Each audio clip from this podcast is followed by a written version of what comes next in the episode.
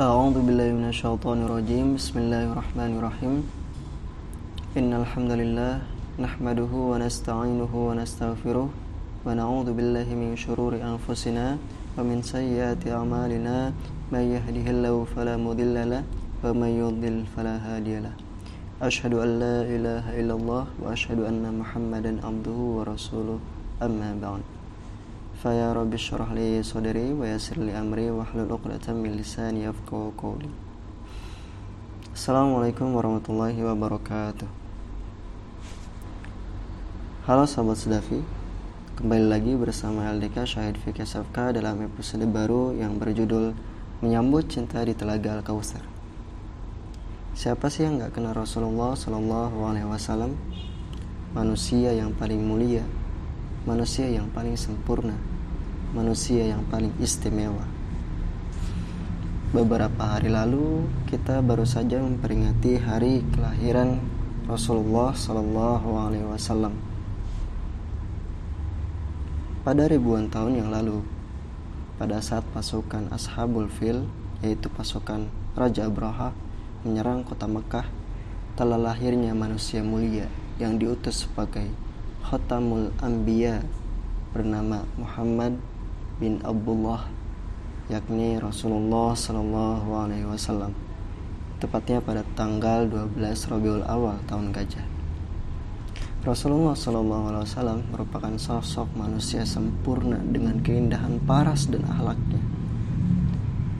Allah Subhanahu Wa Taala telah mengutus Rasulullah Shallallahu Alaihi Wasallam sebagai penyempurna akhlak manusia. Diriwayatkan oleh Imam Ahmad dalam musnadnya pada bab musnad Abu Hurairah yang berbunyi Innama bu'istu liutammima salihal akhlak yang artinya sesungguhnya aku diutus hanya untuk menyempurnakan kesolehan akhlak. Pantulan akhlak dalam diri Rasulullah Shallallahu Alaihi Wasallam hendaknya tercermin dalam diri kita sebagai umatnya. Jika kita menyusuri perjalanan sirah nabawiyah, akan kita temukan bahwa banyak sekali momen yang menyadarkan dan menyentuh hati kita akan ketegaran Rasulullah Sallallahu Alaihi Wasallam. Terlebih dalam perjuangan Rasulullah Sallallahu Alaihi Wasallam menyampaikan amanah langit berdakwah agar sampai cahaya kebenaran di ke bumi ini. Teman-teman sekalian, betapa hebatnya kesabaran dan cinta beliau. Tanpa kesabaran dan cinta itu, mungkin kita tidak bisa menikmati nikmat iman dan Islam sampai hari ini. Maka, marilah kita teladani sikap beliau dengan meneruskan risalah dakwah Rasulullah Wasallam dengan menjadi pemuda-pemudi penggerak kebaikan, menebar kebaikan ke setiap penjuru yang kita susuri dalam petualangan singkat ini. Tentu saja, dalam mengalas amanah langit ini akan banyak sekali tantangannya. Kekasih Allah saja begitu hebat ujiannya dalam berdakwah. Akan tetapi, bukankah ujian itu juga tanda cinta Rob kepada hambanya? Maka berbahagialah dalam menjalaninya dan bersyukurlah karena menjadi orang-orang yang terpilih untuk mengemban amanah langit. Mari kita jaga amanah ini dengan sebaik-baiknya amanah dakwah ini memang tak mudah. Tapi tak inginkah kita untuk menjambut cinta di telaga Al-Kausar nanti? Ingatkah teman-teman sekalian kisah Rasulullah Shallallahu Alaihi Wasallam ketika berdakwah di kota Taif? Taif ini menjadi bukti dan momen kelembutan Rasulullah Shallallahu Alaihi Wasallam dalam mewariskan dakwah yang penuh rahmat. Respon penolakan yang sangat tidak manusiawi diterima oleh beliau ketika mengajak penduduk di sana untuk menerima kebenaran. Betapa pilunya seorang manusia paling mulia dilempar dengan batu sehingga beliau terluka dan berdarah. Tahukah teman-teman bahwa perjalanan Rasulullah ke Taif belum lama dari peristiwa berpulangnya istri dan pamannya tercinta. Bisakah teman-teman bayangkan kesedihan yang berlipat yang dialami oleh Rasulullah Shallallahu Alaihi Wasallam? Setelah kejadian itu, Allah Subhanahu Wa Taala mengutus malaikat penjaga gunung kepada Rasulullah untuk diperintahkan apa saja sesuai keinginan Rasulullah terhadap mereka. Malaikat penjaga gunung menawarkan untuk menimpakan kedua gunung yang ada di samping kota itu kepada penduduk kota Taif.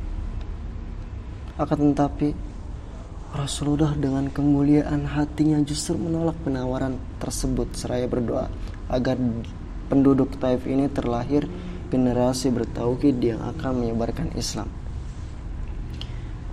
Teman-teman penebar kebaikan sekalian, kisah Taif ini hendaknya menjadi penguat di kala teman-teman mulai merasa lelah untuk menjadi baik dan jemu untuk menyampaikan kebaikan.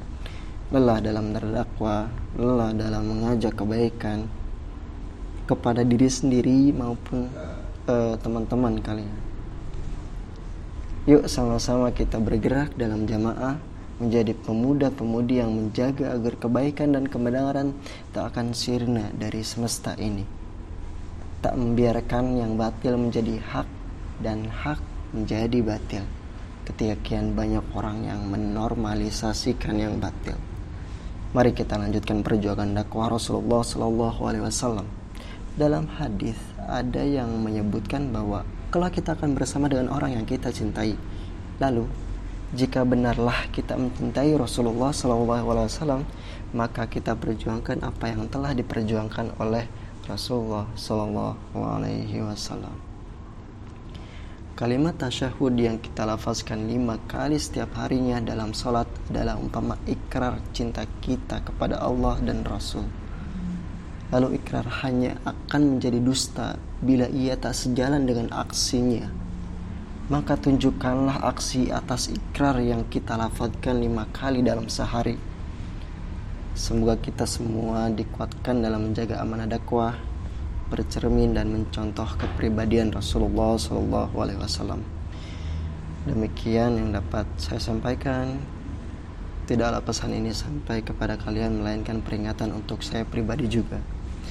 Tetap semangat untuk terus berjuang dalam petualangan alam ini sebagai penebar kebaikan yang kelak akan mengantarkan kita pada kebaikan pula.